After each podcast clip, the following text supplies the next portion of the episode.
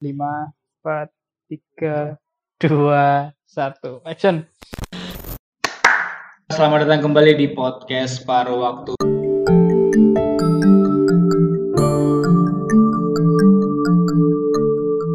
Balik lagi bersama Feraldi di Paruh Waktu Podcast.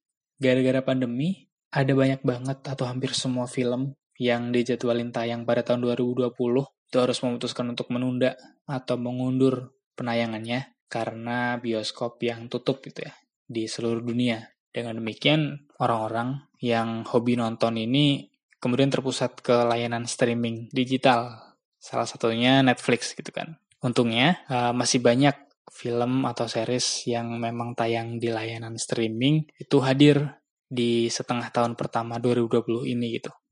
Dan kami anak-anak waktu juga banyak ya yang nonton via Netflix atau layanan streaming yang lain. Dan karena itu pula pada episode kali ini kita masing-masing dari anak para waktu bakal menyebutkan tiga film atau series terbaik yang sudah ditonton selama setengah tahun pertama di tahun 2020 ini. Jadi yang tag episode ini cuman viral sama Duta karena Dela dan Teguh sedang sibuk mengerjakan skripsi. Mohon didoakan agar segera selesai ya. Terima kasih. Selamat melanjutkan dan mendengarkan. Oke, oke, oke. Oke, kali ini aku akan menyebutkan tiga film atau series terbaik versiku yang sudah ditonton di tahun 2020. Dan film atau TV series ini juga kebetulan rilis di tahun yang sama, tahun 2020 juga. Dua di antaranya dari Korea, bisa dibilang gara-gara pandemi aku jadi cukup kepincut dengan K-drama ya series dari Korea karena memang ceritanya bagus gitu pengemasannya bagus karakternya juga kuat terutama dari dua series yang aku tonton. Yang pertama ada Hospital Playlist.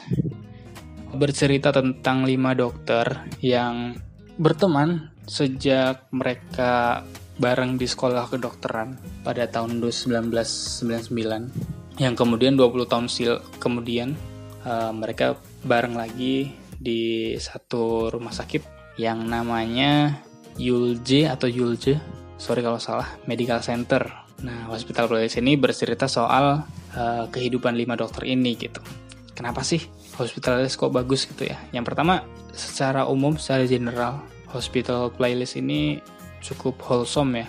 Cukup lengkap mulai dari plot kemudian pengembangan karakternya lalu e, karena ini ceritanya soal persahabatan dan kekeluargaan jadi terasa banget hangatnya terus um, ini juga cukup edukatif karena ini menceritakan soal dokter terus di dalamnya ada banyak banget istilah-istilah yang baru banget ya di mata orang-orang awam. Jadi kita juga sambil belajar gitu. Kemudian ya karena memang sekarang keadaan sedang pandemi seperti ini dan para tenaga kesehatan juga sedang berjuang di luar sana, Hospital Playlist ini juga menyajikan perasaan emosional buat penontonnya gitu. Jadi kayak kita makin respect lagi ke tenaga kesehatan yang lagi berjuang gitu di pandemi kali ini. Terus um, actingnya juga bagus sangat fun dan masing-masing dari lima sahabat ini dapat porsi cerita yang imbang gitu. Jadi nggak ada yang saling melebihi atau saling menonjol gitu. Semuanya punya porsi yang pas, punya karakter yang beda-beda tapi saling melengkapi gitu. Layak banget ditonton buat teman-teman yang belum pernah nonton K-drama tapi pengen nonton tanpa harus pusing atau ribet ya cobalah sekali-kali gitu kali aja tertarik dan Hospital Playlist bisa jadi pilihan pertama kalian gitu. Selanjutnya yang kedua masih dari Korea. Setelah tadi soal uh, dokter-dokteran, kali ini series terbaik di tahun 2020 awal menurutku. Yang kedua adalah Kingdom season 2 yang mana series ini kelanjutan dari Kingdom season pertama tentunya. Kingdom bagi teman-teman yang belum nonton itu bercerita soal wabah zombie yang menyerang suatu kerajaan Korea di era Joseon yang mana pada saat itu Korea masih perang melawan Jepang dan selain bercerita soal wabah zombie ini juga terdapat intrik politik ya yang mana ada perebutan tahta raja di kerajaan tersebut gitu. Nah, di season pertama si Kingdom ini bercerita banyak soal misteri atau pertanyaan-pertanyaan kenapa ada zombie, ada wabah zombie ini gitu. Kemudian intriknya soal perebutan tahta raja ini juga sudah mulai muncul dan di season 2 kita disajikan banyak penyelesaian-penyelesaian ya cerita-cerita yang menjawab-menjawab pertanyaan yang muncul di season pertama begitu. Season 2 ini masih menarik juga. Biasanya kalau series Netflix sering banget ketika season 1 oke, okay, season 2-nya flop gitu kan. Dan ini cukup konsisten uh, kreatornya dalam membuat cerita yang padat, kuat dan punya karakter development yang bagus gitu. Tapi ini ternyata bukan akhir gitu. Uh, si Kingdom Season 2 ini. Jadi meskipun ceritanya sudah cukup menjawab banyak pertanyaan di season pertama, tapi ternyata di bagian akhir season kedua ini juga menyajikan banyak misteri atau pertanyaan baru, yang mana kabarnya akan berlanjut di season ketiga. Kapan kita belum tahu gitu. Yang ketiga dan terakhir, tapi jadi salah satu yang favorit adalah Brooklyn Nine-Nine season 7.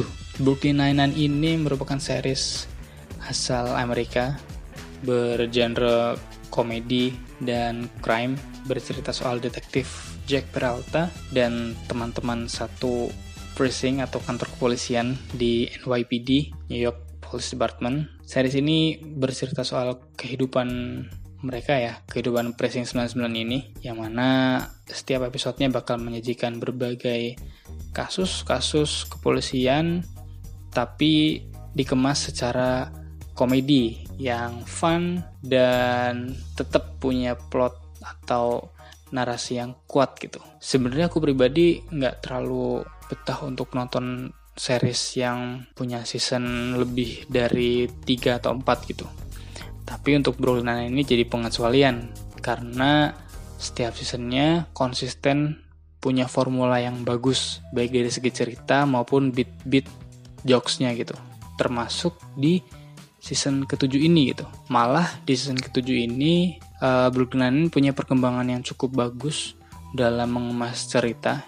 Ceritanya semakin padat dan kuat karakternya. Beat jokesnya mungkin tidak sebanyak di season-season sebelumnya gitu ya tapi masih cukup lucu dan sangat menarik gitu fun lengkap lah pokoknya jadi buat teman-teman yang pengen atau butuh tontonan yang fun serta punya cerita yang tetap kuat Brooklyn ini jadi salah satu pilihan yang tepat gitu karena sangat ringan sih ringan banget di season season awal ke belakang juga nggak terlalu berat tapi masih menyajikan plot yang berkualitas gitu. Nah, sekarang bagian Duta yang cerita tentang series atau film yang direkomendasiin buat teman-teman tonton. Selamat mendengarkan. Oke, kali ini aku bakal share tentang series yang udah aku tonton di 2020 dan siapa tahu bisa jadi rekomendasi tontonan buat teman-teman nantinya. Yang pertama ada Dark Season 3 yang merupakan season terakhirnya Season satunya udah dirilis di 2017 yang lalu. Ini merupakan series original dari Netflix yang berbahasa Jerman, disutradari sama Baran Boodar yang juga pernah bikin film Who Am pada 2014 yang lalu. Ceritanya dimulai dengan peristiwa hilangnya seorang anak kecil secara misterius di Winden, yaitu sebuah kota kecil di Jerman. Kita bakal diajak untuk menyelidiki kasus ini, namun seiring berjalannya waktu kita bakal tahu kalau ini cuman sebuah potongan kecil dari misteri yang lebih besar yang ada di kota kecil tersebut, yang mana bakal ngelibatin perjalanan waktu atau time traveling. Di series ini kita bakal tahu tentang hubungan empat keluarga yang saling berkaitan akibat dari perjalanan waktu dan bakal dihadapkan dengan berbagai paradoks yang ada di dalamnya. Kalau biasanya series time travel cuman ngangkat satu atau dua paradoks, di series ini bakal banyak banget paradoks yang dikenalkan di antaranya ada Master Zuang, ada Bootstrap, Predestination, Grandfather, dan lain-lain. Kalau season 1 dan 2-nya banyak banget misteri dan masih banyak muncul pertanyaan, season 3 bakal ngejawab semua pertanyaan itu dan ditutup dengan sangat memuaskan dengan plot yang sangat rumit namun tetap rapi dan enak buat diikutin. Jadi buat teman-teman yang mungkin suka dengan tontonan yang bikin mikir atau banyak twistnya, ini bakal cocok banget untuk ditonton. Yang kedua ada Defending Jacob, sebuah sajian drama genre crime yang dirilis sama Apple TV dan dibintangin sama Chris Evans. Siapa tahu ada teman-teman yang fansnya Chris Evans atau fansnya Captain America bisa nonton ini buat ngebatin kangennya.